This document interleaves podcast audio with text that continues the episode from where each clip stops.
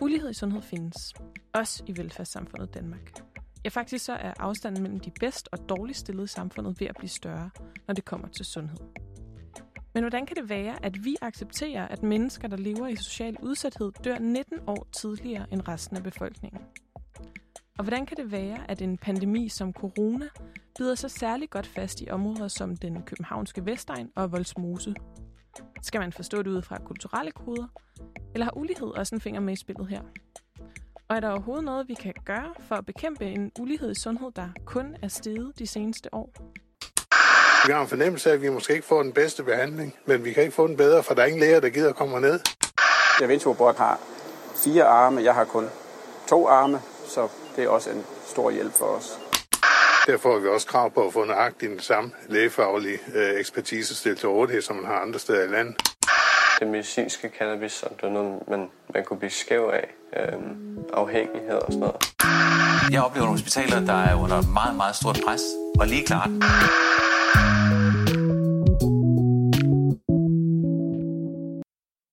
Velkommen til Boblen. Mit navn er Veronika, og i denne her sæson 4 af Boblen, der undersøger jeg, hvilken rolle sundhedsvæsenet spiller i vores samfund. Og en af grundpillerne i det danske samfund, det er jo netop knyttet til sundhedsvæsenet.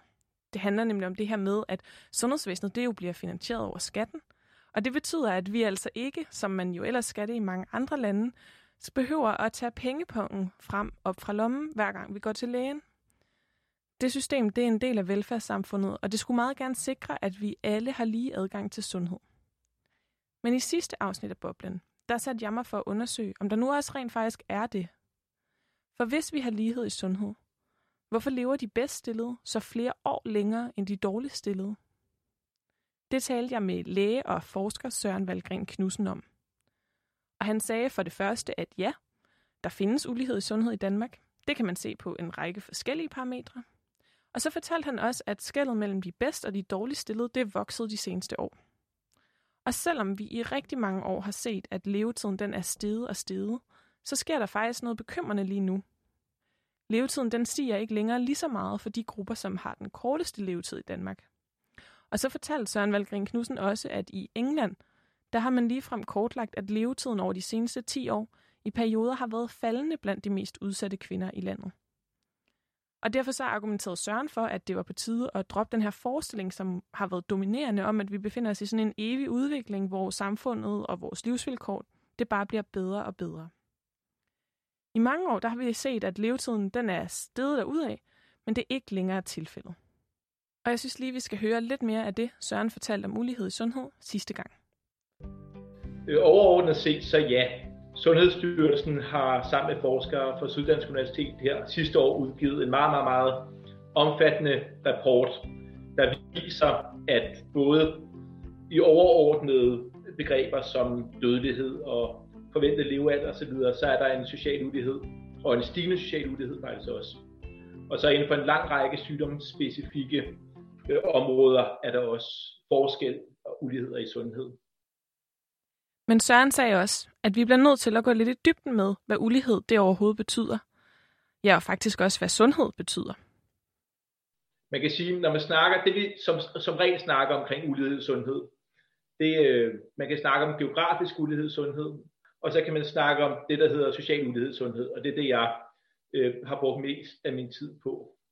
Og hvis man dissekerer det lidt yderligere, så kan man sige, hvad, hvad betyder det, når vi snakker om, om social og det kan man sige, når vi sammenligner tilfældige individer og deres sundhed, så forventer vi jo også, at der er øh, nogle forskelle. Øh, det kan være, fordi de er født med forskellige genetisk materiale, det kan være, fordi de har en forskellig alder osv. Så, så, så man kan godt forvente forskelle mellem individer. Så når vi snakker om social ulighed, så er det, når vi kigger på forskellige måder at opdele samfundet i grupper. Så det kan være baseret på demografi, altså det kan være på køn, eller på etnicitet, eller på andre øh, karakteristika, øh, som man ligesom er født med, eller det kan være øh, på baggrund af socioøkonomiske faktorer, altså ofte er det uddannelse, vi kigger på, men det kan også være indkomst, job, markedsstatus osv. Øh, så, så, så når vi snakker om social ulighed, så snakker vi om forskelle mellem grupper. Så kan man sige, hvad, hvad er det så, vi snakker om? Vi snakker om ulighed, fordi den forskel, jeg beskrev før, den er der måske ikke mange, der sige at det man normalt forstår ved ulighed, at øh, hvis der er en, der er født med en genetisk sygdom, så er det svært at kalde det for den måde, vi traditionelt forstår ulighed på. At en på 80 har en måske en mere skrøbelig helbred end på 20, og måske heller ikke en ulighed. Så når vi snakker om uligheder, så plejer man at sige, at det er de forskelle, som der øh, både kan gøres noget ved, altså som der skyldes nogle strukturer i vores samfund, som vi kan håndtere, altså, og øh, også på en eller anden måde øh, opleves som uretfærdige. Så, øh, så at der skulle være forskel i forventet levealder, øh, blot baseret på dit køn for eksempel, eller blot baseret på, på din etnicitet, det, det, det er svært at se skulle være retfærdigt i sig selv. Okay, så det er altså sådan, man kan definere ulighed.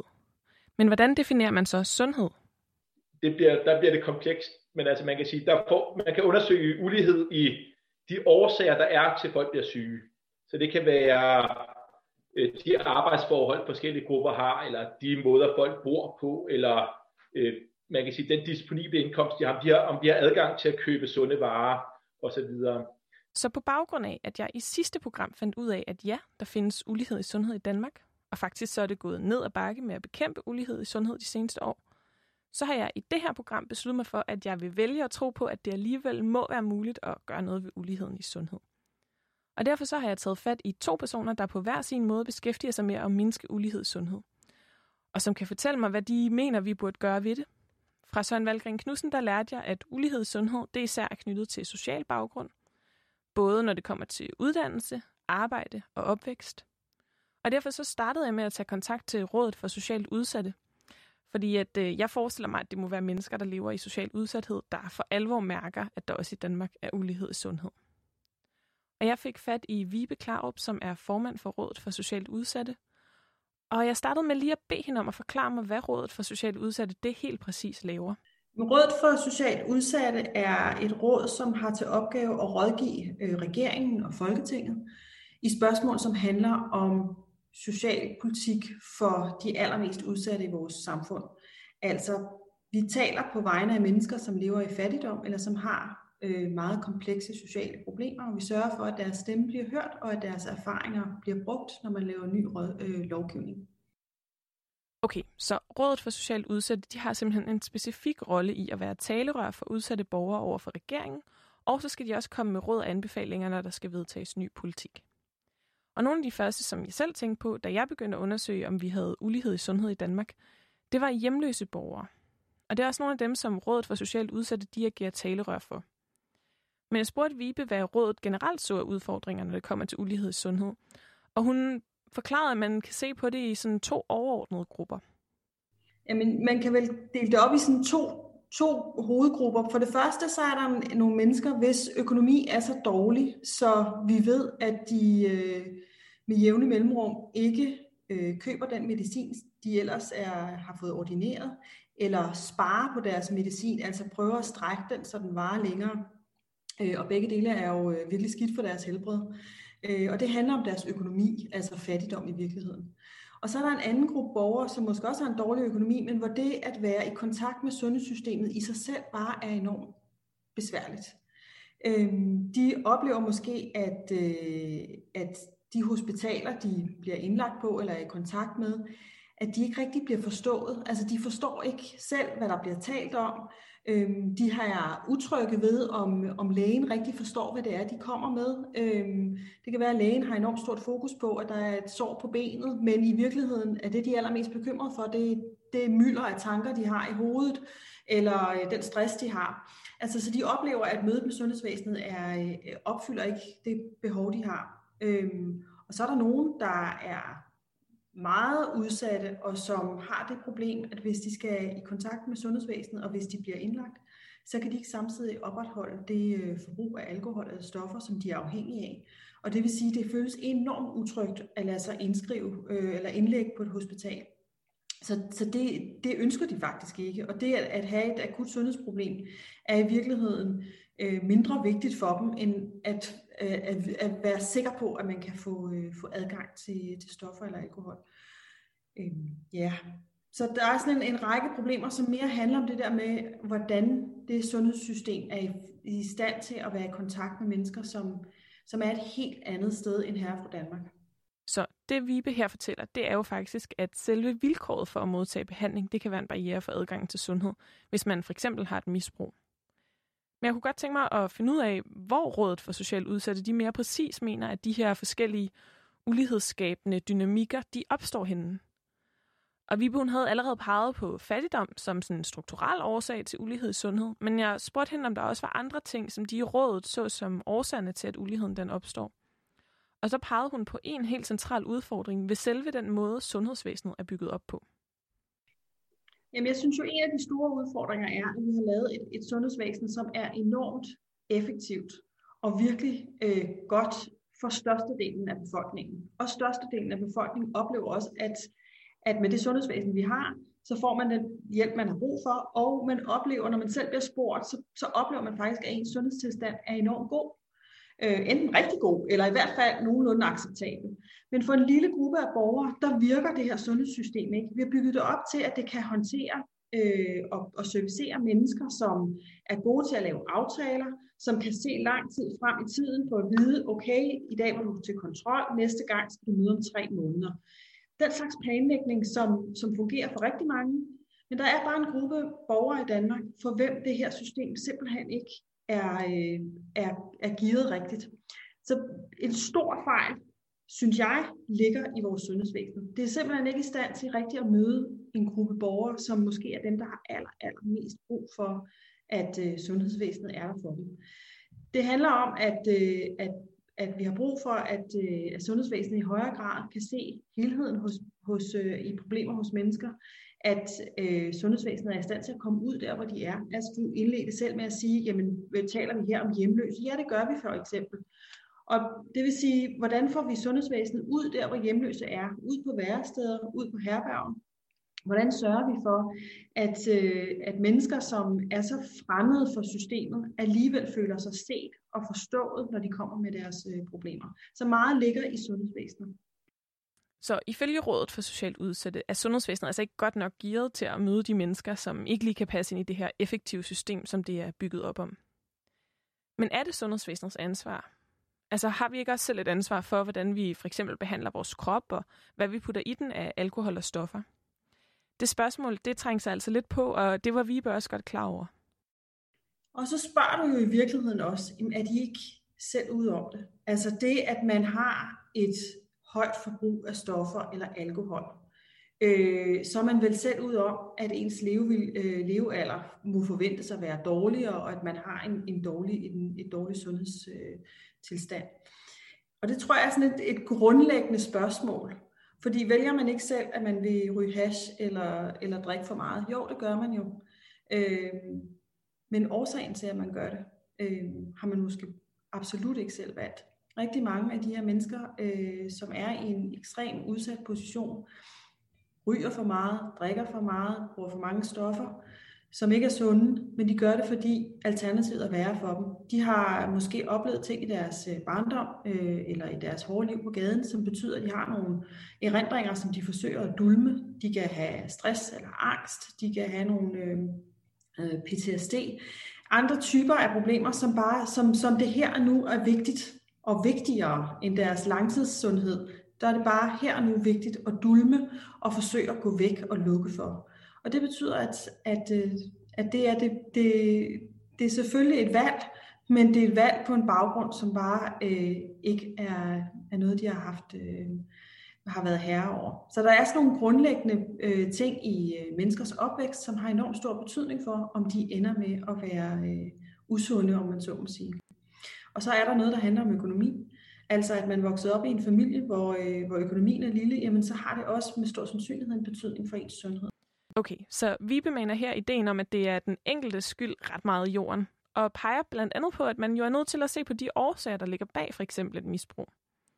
Men så handler det for Vibe også om noget helt grundlæggende ved vores samfund. Det kan synes at være noget, folk øh, selv er ude om. Jeg synes, det i høj grad handler om, at vi skal have et sundhedsvæsen, som kan gribe alle. Og jeg synes, vi, øh, vi har et samfund, som bygger på et løfte om, at hvis du har brug for hjælp, så er vi der til at hjælpe dig til at komme videre. Og hvis vi accepterer, at der er nogle mennesker, som, øh, som vi lader være og sige, det må de selv om, det, øh, de ligger som de har ret, så synes jeg, at vi bryder den kontrakt øh, og den aftale, vi har med hinanden om, at det er et solidarisk samfund, hvor vi hjælper hinanden, når man har brug for det.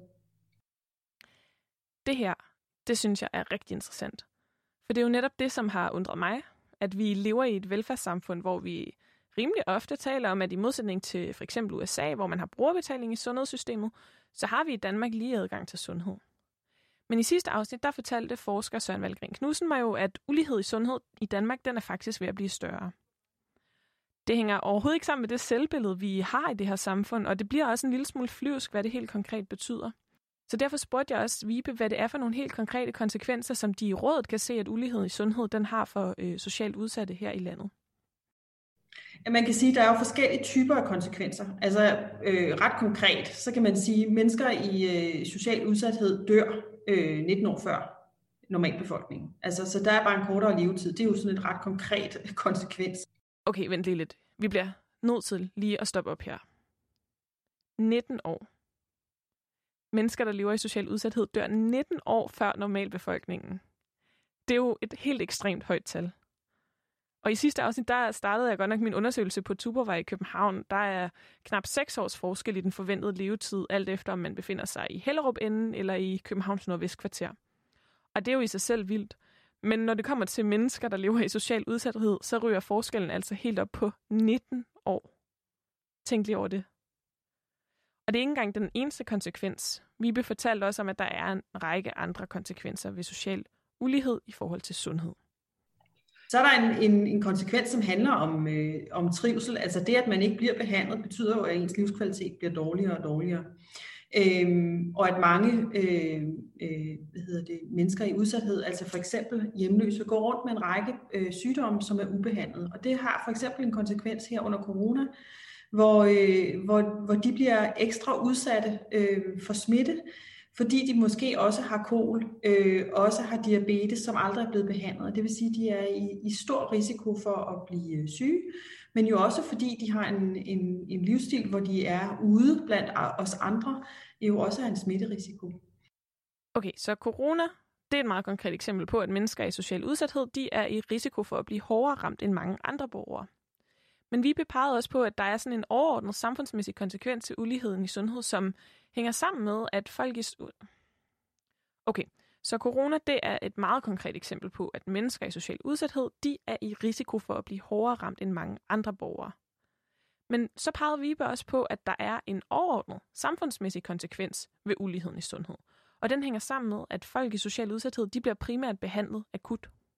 Og derudover så kan man sige, mm, der er jo også et stort samfundsspild øh, økonomisk set ved, at vi behandler øh, borgere i, med, med så komplekse problemer som, som her, på sådan en ret akut måde. Mennesker, der lever i udsathed, har det med at blive behandlet, øh, når de bliver virkelig akut. Så bliver de øh, kørt på hospitalet og får en akut øh, øh, sundhedsbehandling, og så tilbage igen i til den livsstil, de, øh, de havde før.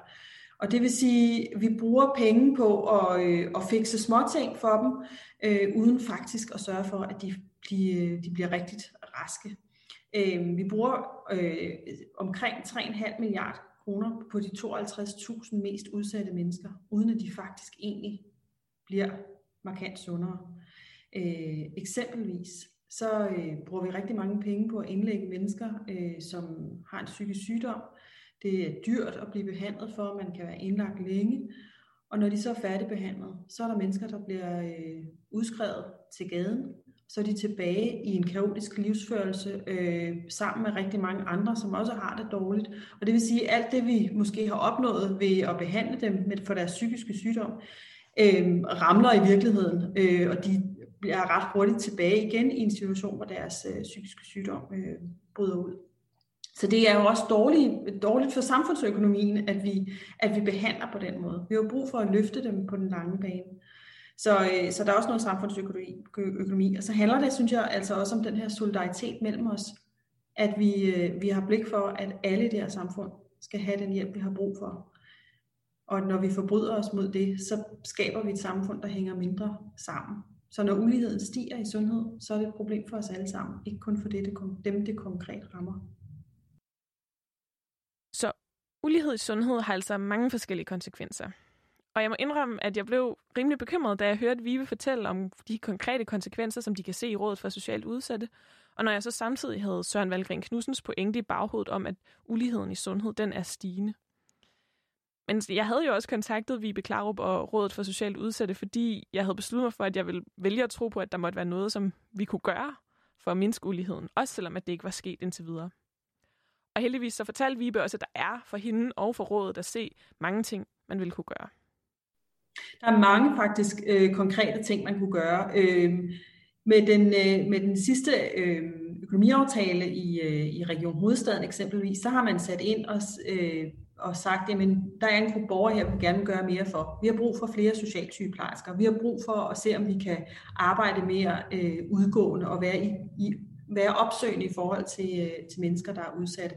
Så nogle ting kan man gøre. Man kan sørge for, at, at det at have viden om social, øh, socialt udsatte også findes inde i sundhedsvæsenet. Altså op, op, øh, hvad hedder det, oprette øh, sociale specialer inde i, øh, i sundhedsvæsenet, som gør, at, at øh, socialoverlæger kan arbejde sammen med, med mediciner og andre, som gør, at man, man, når man møder den her gruppe borgere, har et helhedsblik på, hvad er det for nogle komplekse problemer, de i virkeligheden øh, tumler med, så man ikke kun fokuserer på det der ene såret eller den psykiske sygdom, men får helheden med. Det vil være ting, der kunne, øh, der kunne hjælpe, og det er jo øh, det er også ting, der bliver afprøvet. Vi synes, det skal rulles ud over hele landet. Okay, så der er flere ting, man godt ville kunne gennemføre her og nu. Men noget af det, som jeg blev mest mærke i, det var, at da Vibe fortalte, at man også kunne bekæmpe ulighed i sundhed ved at lave en indsats mod, at folk bliver udskrevet til gaden. Så er der så noget, som handler om, at, øh, at jamen, hvis, man, øh, hvis man er indlagt på et hospital, så kunne man jo godt have en, en aftale om, at man aldrig bliver udskrevet til gaden, men at der skal være en bolig, når man er færdig, så man kan restituere sig og, øh, og ikke kommer tilbage i det, som skabte, øh, med, medvirkede til, at man har det dårligt, altså den stress, der er forbundet med at leve på gaden. Det her forslag, som vi kom med, det synes jeg var ret spændende. Jeg kom til at tænke på, at i Finland, der har man stort set bekæmpet hjemløshed med en metode, der bliver kaldt Housing First, og den skal sikre boliger til alle. Og derfor så spurgte jeg Vibe lidt ind til den, det her forslag, om det var noget, man ville kunne indføre i Danmark. Absolut, og vi ved, det findes, øh, du nævner selv Finland, i Norge har man samme princip, altså at man aldrig nogensinde må blive udskrevet fra et hospital eller en behandling, sundhedsbehandling, uden at man er sikker på, at der er en bolig, hvor, øh, hvor patienten kan, kan bo og, øh, og, og sikre altså, sin egen sundhed efterfølgende. Øhm, så det tænker vi øh, absolut bør være noget, der også er i fokus i Danmark. Så i både Finland og Norge, der har man altså sådan nogle her initiativer. Og det er jo lande, som vi normalt tænker har mange lighedstræk med Danmark. Så måske så er det her beviset for mig på, at det kan lade sig gøre at gøre noget ved ulighed i sundhed i Danmark. Men der er også andre mennesker i Danmark, som jeg forestiller mig må mærke konsekvenserne af ulighed i sundhed her i landet. Nemlig flygtninge, asylansøgere og indvandrere. Det er mennesker, som både kan risikere at have en meget usikker tilværelse her i landet. Det er også mennesker, som måske har oplevet voldsomme ting i forbindelse med at flygte, eller som kan opleve, at der er problemer med sproget i sundhedsvæsenet, fordi man måske ikke snakker flydende dansk. Jeg opdagede i hvert fald, at der findes noget, der hedder indvandrermedicinsk klinik på Odense Universitetshospital. Og jeg besluttede mig for, at jeg ville kontakte professor Morten Sodemann, som har været med til at starte klinikken. Og jeg vil prøve at spørge ham, hvordan de mærker uligheden i sundhed. Og faktisk så startede Morten Sodemann med at fortælle mig, at klinikken netop tager sig af de mennesker, som ifølge ham er blevet opgivet af resten af sundhedssystemet. Og derfor så startede jeg med at spørge Morten, hvordan han ser, at der er ulighed i sundhed for de mennesker, som kommer på indvandrermedicinsk klinik. Altså man kan jo sige, at der er jo allerede ulighed i sundhed i og med, at vi er nødt til at opfinde et nyt speciale til dem. Det burde jo ikke være nødvendigt, men, men altså tandlægerne har jo altid sagt, at de burde heller ikke findes, men, men det gør de jo. Altså nogle gange må man jo også til virkeligheden alvorligt og sige, okay, det her det er så noget, vi har, har, har svært ved. Øh, men, men hvis man øh, skal sige noget om de særlige uligheder, vi ser, så vil det være, at, øh, at, at danskere er nok en lille smule sådan sproglige analfabeter på en eller anden måde. Øh, og, øh, og har sådan en, en, øh, en fornemmelse af, at, at sprog det er bare noget, man lærer. og det er jo nok i virkeligheden, fordi der ikke er mange danskere, der kan tale ret mange andre sprog. Det kan godt være, de synes, de kan tale engelsk, men det tror jeg ikke, der er mange englænder, der synes, de kan. Altså, vi har sådan en lille smule mangel på respekt for sprogets betydning, øh, og at bare fordi man har sang, så er man ikke dum øh, eller, eller, eller doven. Øh, det har danskere også, når de er i udlandet. Jeg har også med danskere, som ikke kunne tale engelsk efter 10 år i England. Ikke? Altså, det, det er, sprog er svært, og sprog har øh, en tæt knytning til hukommelse, og, og hvis man har andre problemer at slås med, så har man ikke meget hukommelse. Og så står anden sprog ikke i første række til at blive gemt. Så, så er det hverdagens problemer og, og udfordringer, som, som tager pladsen. Så, så den mentale båndbredde, kobling til, til sprog, kobling til identitet og rodfæstning, øh, opholdsgrundlag, Øh, og, og man skal jo ikke læse ret meget avis i dag, for man kan se, at der er rigtig mange, der gerne vil have, at det bliver sværere og sværere og sværere at være, være minoritet i Danmark, øh, specielt fra andre lande. Og at øh, man skal retfærdiggøre sin eksistens nærmest øh, en gang om året efterhånden. Øh, og, og det gør noget, som mange politikere faktisk ikke ved. Det gør noget ved ens øh, moral, ens øh, levedygtighed, ens motivation til at tage sig af sig selv og passe på sig selv, øh, når man ikke ved, om man må være her. Øh, det meste af ens mentale båndbredde går på at søge om at få lov at være her, eller at vente på svaret på at søge. Så der går, der går rigtig meget båndbredde til ting, som vi ikke tænker over, som, som, øh, som majoritetsdanskere, som vi kalder det. Ikke? Det er jo ikke noget, vi går og slås med. Men, men øh, prøv at tænke på en familie på fem, som er kommet til Danmark på forskellige tidspunkter. Øh, der er altid en eller anden, der skal søge om at få lov at blive her. Og der er altid nogen, der venter på svar. Der er aldrig fred i sådan en familie. Børnene vil altid sidde og overveje, om far eller mor er der, når de kommer hjem. Så hold, lærer de ikke noget i skolen. Så er det allerede koblet videre til næste generation, som i virkeligheden er vokset op i fred og fordragelighed i Danmark. Men de vokser op i en familie, der er i krig, om jeg så må sige, med, hvor de må være henne. Ikke? Okay, så Morten pegede altså på, at der er en grundlæggende usikkerhed, som er med til at skabe barriere for også at have adgang til sundhed. Og han fortalte, at man kan se det som en slags afledte effekter. Så sprog er altså en kæmpe stor del af vores sygdomsforståelse, fortalte Morten. Og jeg kan ikke lade være med at tænke, at det her med at sige, at man ikke har lyst til at dø på et sprog, man ikke taler, det er også sætter ord på, hvorfor sprogbarriere i sundhedsvæsenet kan være ulighedsskabende. For i et velfærdssamfund som Danmark har alle så ikke ret til at vide, hvad der sker med dem, når de er i en meget udsat position. Er det ikke en del af netop velfærdsstaten, at man sørger for, at alle borgere både anses som myndige, men også har mulighed for at agere som myndige, og det ikke kun skal være dem, der har ressourcer til at tale et bestemt sprog eller bruge bestemte fagtermer. Morten han fortalte, at be- Morten han fortalte videre om betydningen af at få en bedre adgang til sundhed. Så det, det er nogle afledte effekter af øh, minoritetstilstanden, sprog, øh, problemstillinger, som, som afskærer en fra øh, at, at vide information og handlemuligheder. Det kan vi se under corona her det tog lang tid før myndighederne indrømmede, at det måske var et problem, at der var så mange, der ikke lige vidste, hvad man skulle gøre her, ikke? hvad det egentlig var, der foregik. Ikke? De er altid lidt bagefter, det er sådan en ekko, øh, og, og de skal altid selv øh, finde ud af, og det er jo også derfor, de overlever mange af dem, ikke? det er, at de, de er tvunget til selv at finde ud af noget, finde ud af sammenhængen, finde ud af, hvor viden er, eller bare finde på noget så. Og det er jo det, man kunne se her, der var rigtig mange, der overimplementerede det. De så gaderne var tomme, butikkerne var ribbet for varer der i, i marts måned, øh, og politimesteren og, og statsministeren stod og så rigtig, rigtig alvorligt ud på, på tv. Det ved de godt, hvad det betyder. Så er det om at lukke døren, lukke vinduerne og holde sig indendør, ikke? Og, og, og fange børn ind og, og lukke dem indendør, ikke? Og det er det, man gør, når man ikke ved, hvad man skal stille op, det er at gøre ligesom derhjemme. Og, og det her, det lugter af krig og undtagelsestilstand, så lukker, spærrer vi os inde. Eller også er luften giftig. De kender giftgasangreb, de kender alt muligt andet luften er giftig, vi holder os indenfor, vi skal ikke gå ud. Så, så der er sådan en masse afledte effekter af, øh, øh, af sprog, isolation og, og også være sådan aktivt isoleret af, øh, fra samfundet øh, rent politisk og, og, og i den offentlige diskurs, som man siger, øh, som gør, at, at man opfører sig anderledes, man tænker anderledes om sin krop. Øh, kroppen begynder at reagere. Øh, man bliver mere bange. Helt grundlæggende har man sådan et angsttilstand om, hvad kommer der til at ske med mig? Øh, hvad skal der blive af mig? Hvis jeg dør, hvad så med mine børn? Hvis jeg dør eller bliver syg eller handicappet, hvad så med min øh, ægtefælle? Øh, de har familie tilbage i hjemlandet, som de ikke altid ved, hvor er henne, så der er sådan en konstant frygt for, at der sker noget med nogen, og de kan ikke rigtig, øh, de kan ikke gøre noget ved det, så de er handlingslammede, samtidig med, at de godt kan se, hvad problemet er, så kan de ikke gøre noget. Så der er altså både en ulighed i, at det overhovedet har været nødvendigt at oprette indvandrermedicinsk klinik, men så peger Morten også på, at især sproget kan være en barriere i adgangen til sundhed i Danmark.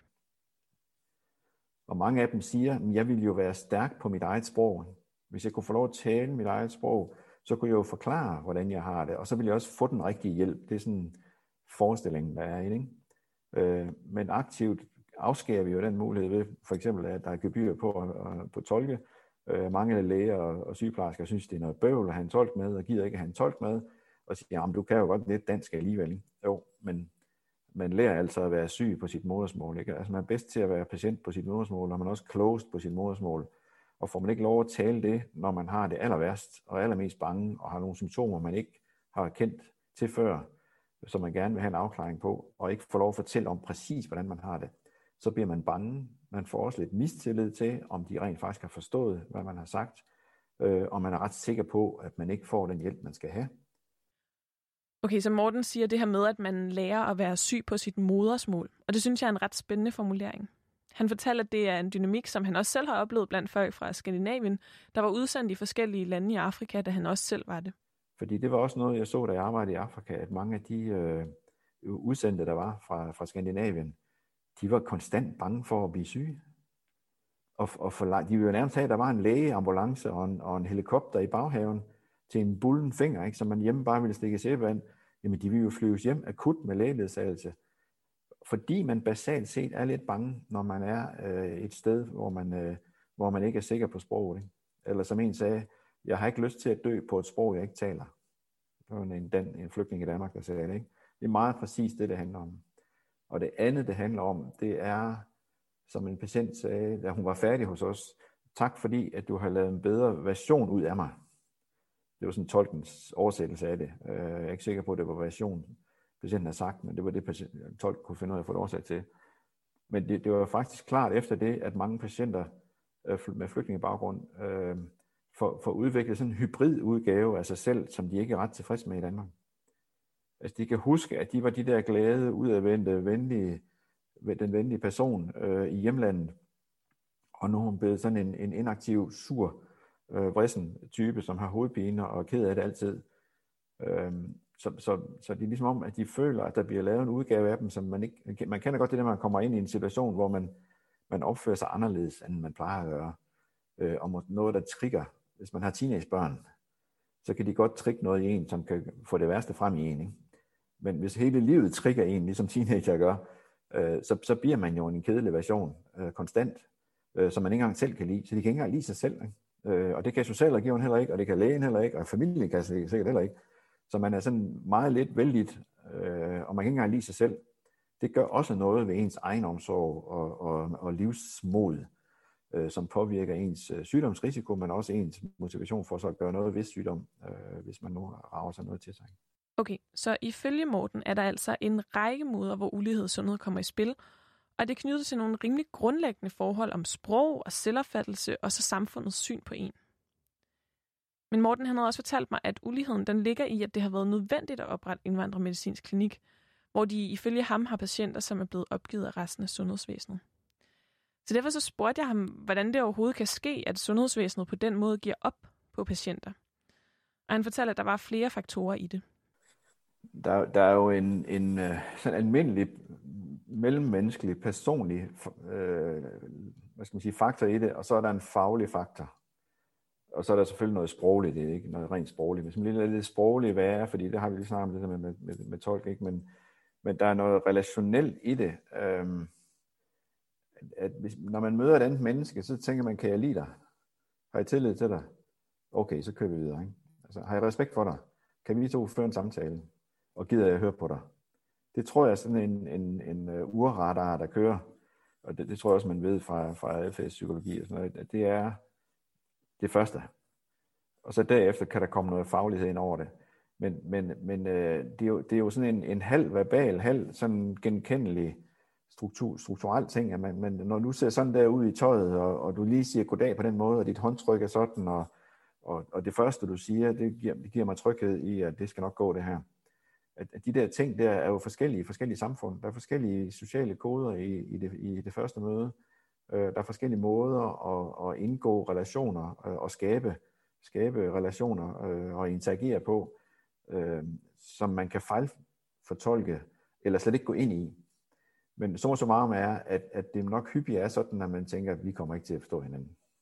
Og så går man i sådan en discount-neutral mode. Øh, I, kommunerne kalder det neutral sagsbehandling. Altså jo mindre man ved om patientens, klientens, borgerens øh, og andre vilkår, jo lettere er det at, at finde en regel, der, der gør, at de ikke skal have de her penge, eller hvad ved jeg. Ikke? Altså man går i sådan en neutral tilstand, hvor det bare er, jeg tror de kalder det standard minimum, standard minimum i kommunerne. Standard minimum mode. Øh, og det gør, at man kun lige hører det, man skal bruge til nøjagtigt at bekræfte den diagnose, man allerede har stillet upfront. Øh, det, det her, det er ikke noget, eller det her er noget. Jeg plejer at sige det der med, at man tænker, du er et pyllerhoved, jeg tror, du er et pyllerhoved, det er ikke noget, det du siger. Så der er altså noget relationelt, som spiller ind, og som allerede i førstehåndsindtrykket kan få konsekvenser for, hvordan lægen ser på patienten. Og så risikerer lægen at låse sig fast på en bestemt opfattelse, forklarede Morten. Så alt, hvad du siger for det øjeblik, jeg har besluttet mig for, at du er, du er pyllerhoved, det bliver ligesom filtreret igennem det der pyllerfilter. Øh, så hvis det passer med pyller, så husker jeg det. Hvis det ikke passer med pyller, så fiser det bare sådan forbi, så hører jeg ikke rigtig efter det. Så man er ekstremt selektiv i sin øh, informationsindhentning, og man stopper også hurtigere. Samtalerne er simpelthen kortere øh, og, og mindre udbytterige øh, og mindre tilfredsstillende for begge parter. Men, men lægen har jo ligesom en, en opgave der at finde en diagnose og en recept. Men det er jo på et forkert grundlag, og jeg plejer at sige det med, at selv den bedste medicin virker ikke på en forkert historie. Ikke? Så man kommer allerede galt sted med, at man ikke kan lide vedkommende, eller bryder sig ikke om dem, synes de er, er, er kedelige at snakke med, øh, men man har også fundet på en diagnose, som måske ikke holder. Og når man ikke har informationer, øh, eller ikke øh, orker at finde informationer, så kører man over på, på fordomscomputeren. Ikke? Altså, så, er det, så er det forhåndsforståelse og fordomme, bias, som man også kalder det, øh, hjemme fra, fra mors kødgryder og, og, og venner og, og kolleger, holdninger til, som man har lært holdninger til øh, mennesker med brune øjne, eller accent, eller tørklæder, eller alkoholikere, eller teenager. Alle de der fordomme, man nu kan have om bestemte øh, befolkningsgrupper, de bliver kørt i stilling og bliver brugt til en faglig beslutningsproces, hvor de egentlig ikke har noget at gøre. Så det her med, at Morten nævnte, at man falder tilbage i sine fordomme, når man går på automatpilot, det fik mig til at tænke på, at jeg har hørt om et begreb, som blev kaldt etniske smerter. Jeg hørte, at det skulle være et begreb, som af læger kunne bruge som en slags alternativ diagnose på patienter, som man netop ikke havde fundet ud af reelt fejlede noget, og måske tænkte var lidt en overreaktion. Og jeg spurgte Morten ind til, om det er en formulering, som bliver brugt, og hvad han tænker om det. Altså, det er et meget godt eksempel på en diagnose, der kommer frem, når man ikke ved, hvad man snakker om. Altså, når man ikke har de nødvendige informationer. Øh, der findes også andre diagnoser, der, der ligner det i, i lægernes hvad skal man sige, lægetaske, men som, som vi ikke siger højt, ikke? Men, men som man kollegialt kan sige til hinanden. Øh, det, det findes ikke, nej. Øh, det er et, et, et udtryk for faglig utilstrækkelighed. Man har simpelthen ikke brugt tid på at snakke med patienten om, hvad det egentlig er, de, de føler. Øh, man ved ikke engang, om det er en smerte. Man har bare fortolket det som smerte.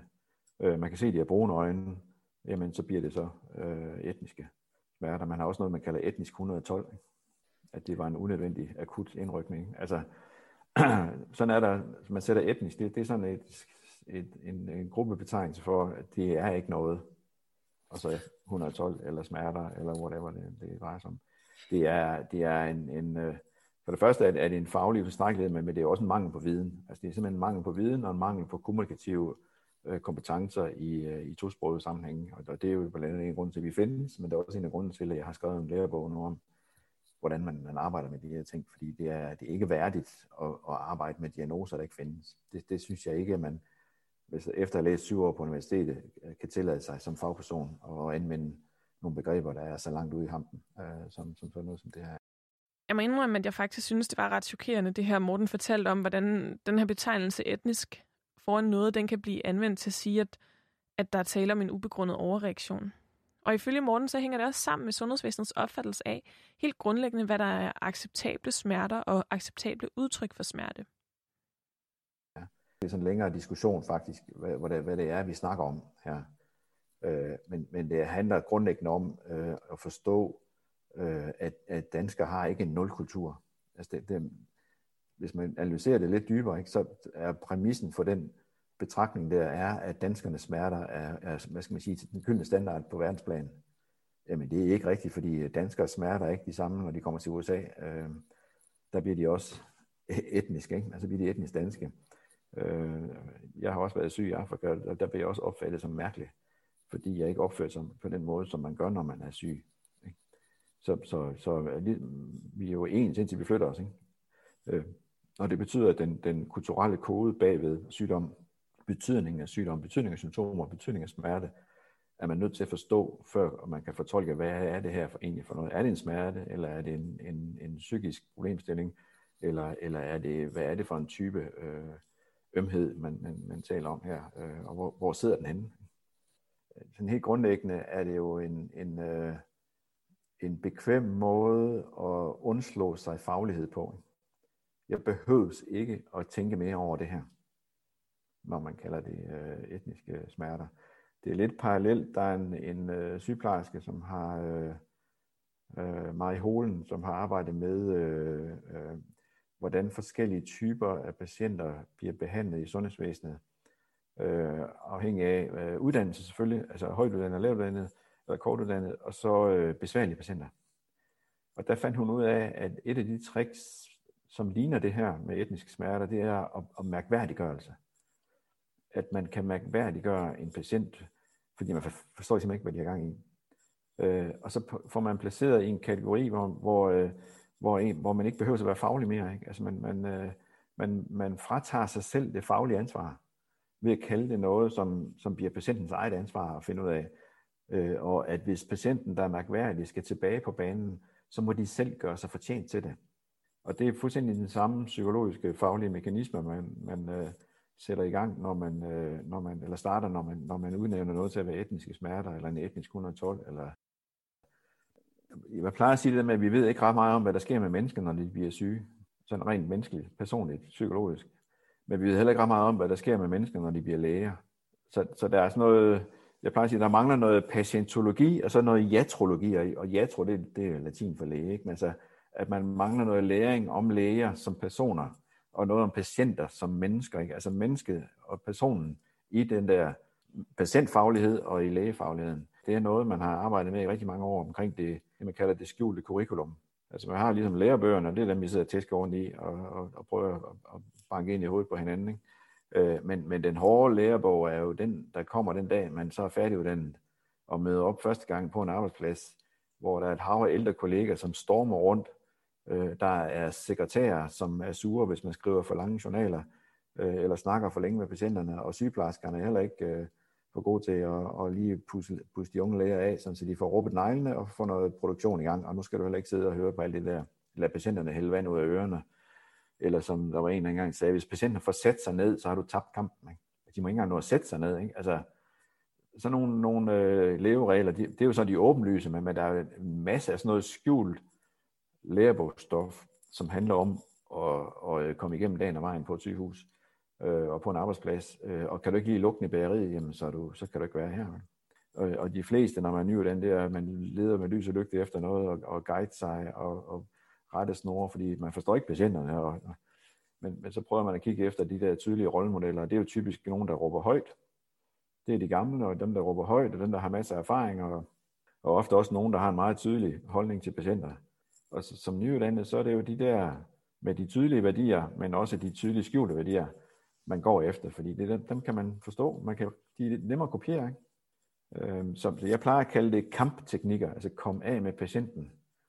Kampteknikker, man tilegner sig, sådan så man kommer hurtigt ind og hurtigt ud af en samtale, og kan komme af med en patient igen.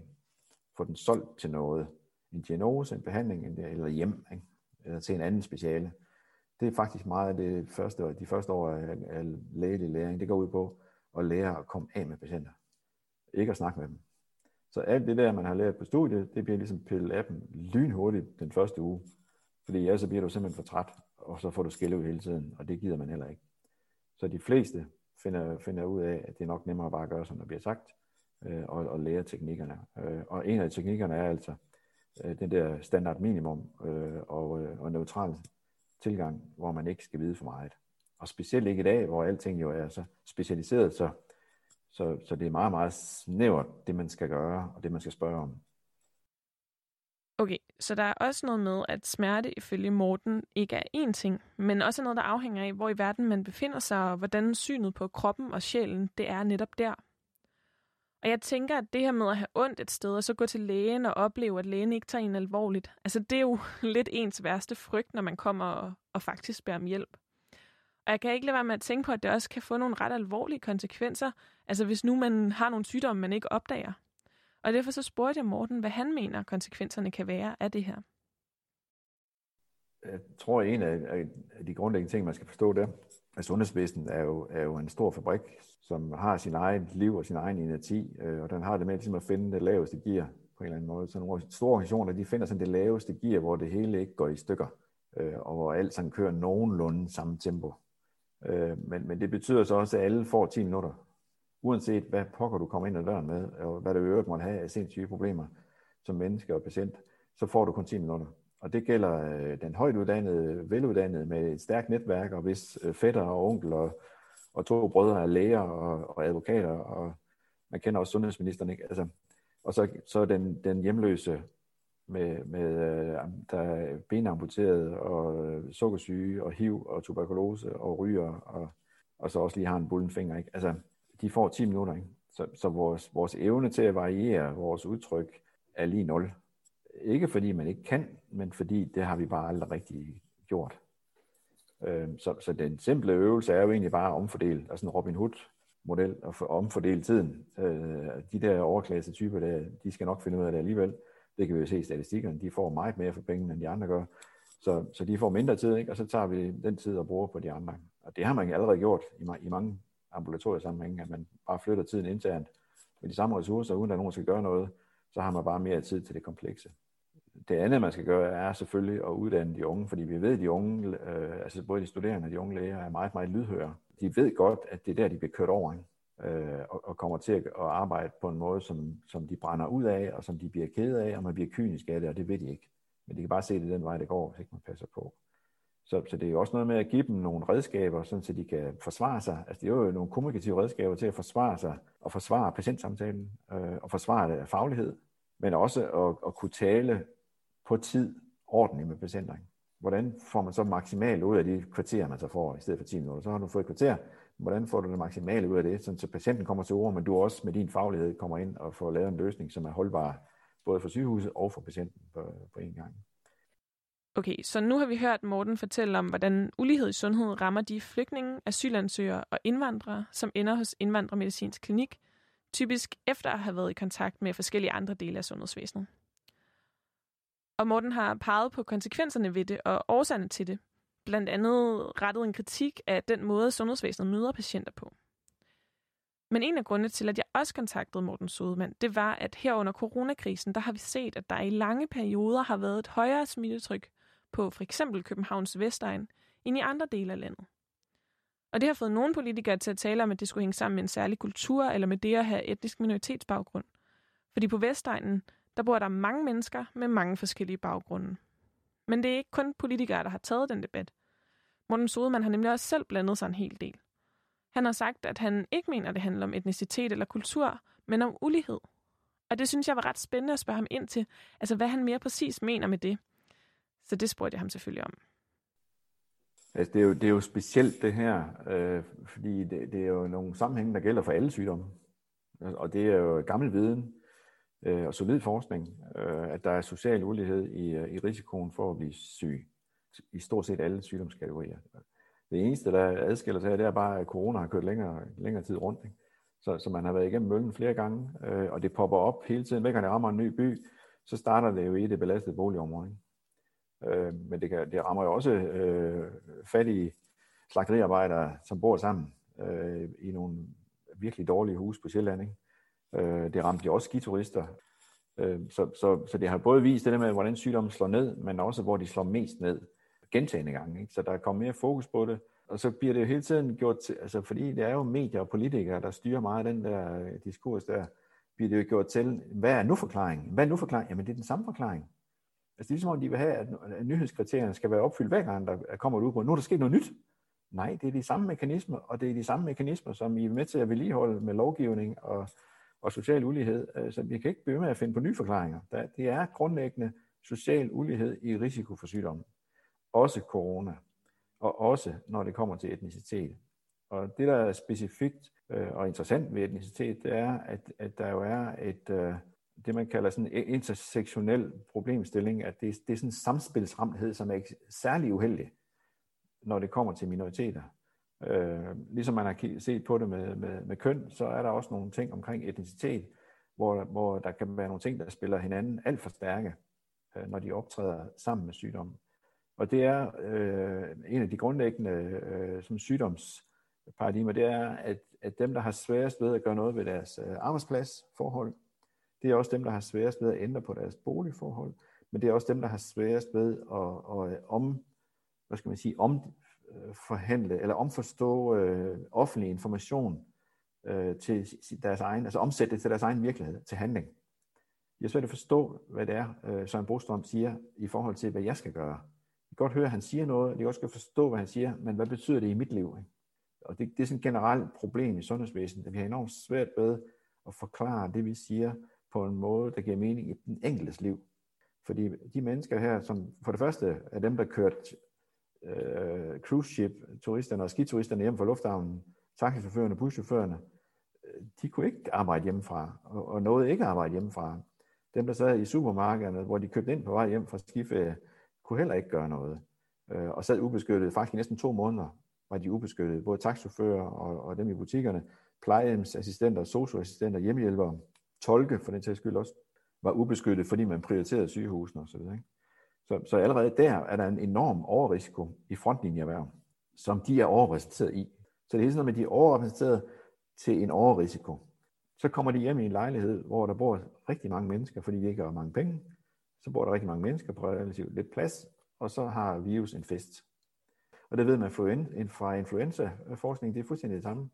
Det er dem, der har mindst indflydelse på deres levevilkår og på deres arbejdsvilkår og deres boligvilkår, som har den højeste risiko for at blive smittet, og blive syge og dø.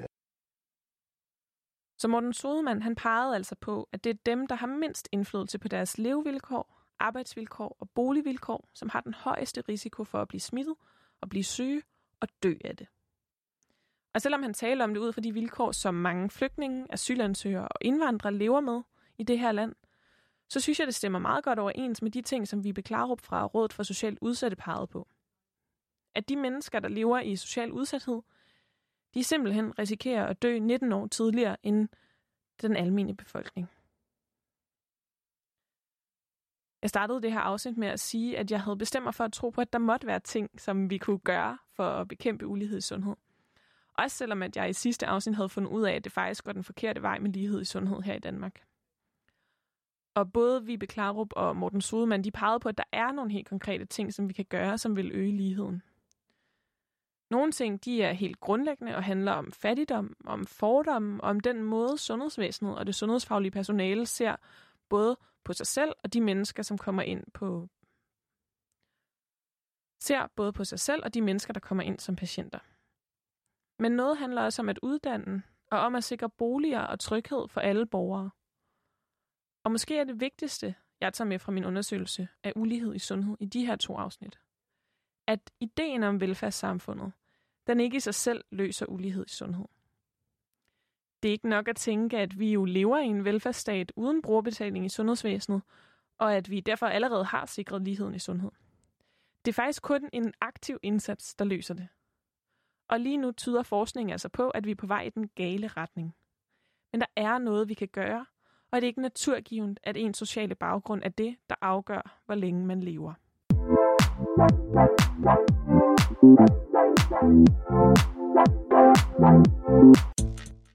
Du lyttede til Boblen. Programmet er produceret af Danske Studerendes Fællesråd. Programmets vært var Veronika Arnsbøl Schulz, og programmets redaktør var Toge Daler. Musikken den er produceret af Esben Kjeldsen Grav. Tak til Vibe Klarup og Morten Sodemann. Tak til Sund Fornuft, Tænketanken for Sundhedspolitik, og tak til jer, der lyttede med. Hvis du sidder tilbage med nogle spørgsmål til sundhedssystemet, eller hvis du har undret over noget, du har hørt læger eller andre eksperter snakke om i forhold til medicin og sundhedsvæsen, så vil vi rigtig gerne høre fra dig. så vi kan lave et program om de spørgsmål, som du sidder med. Send dine spørgsmål ind til boblen eller find Radio Loud på Facebook eller Instagram.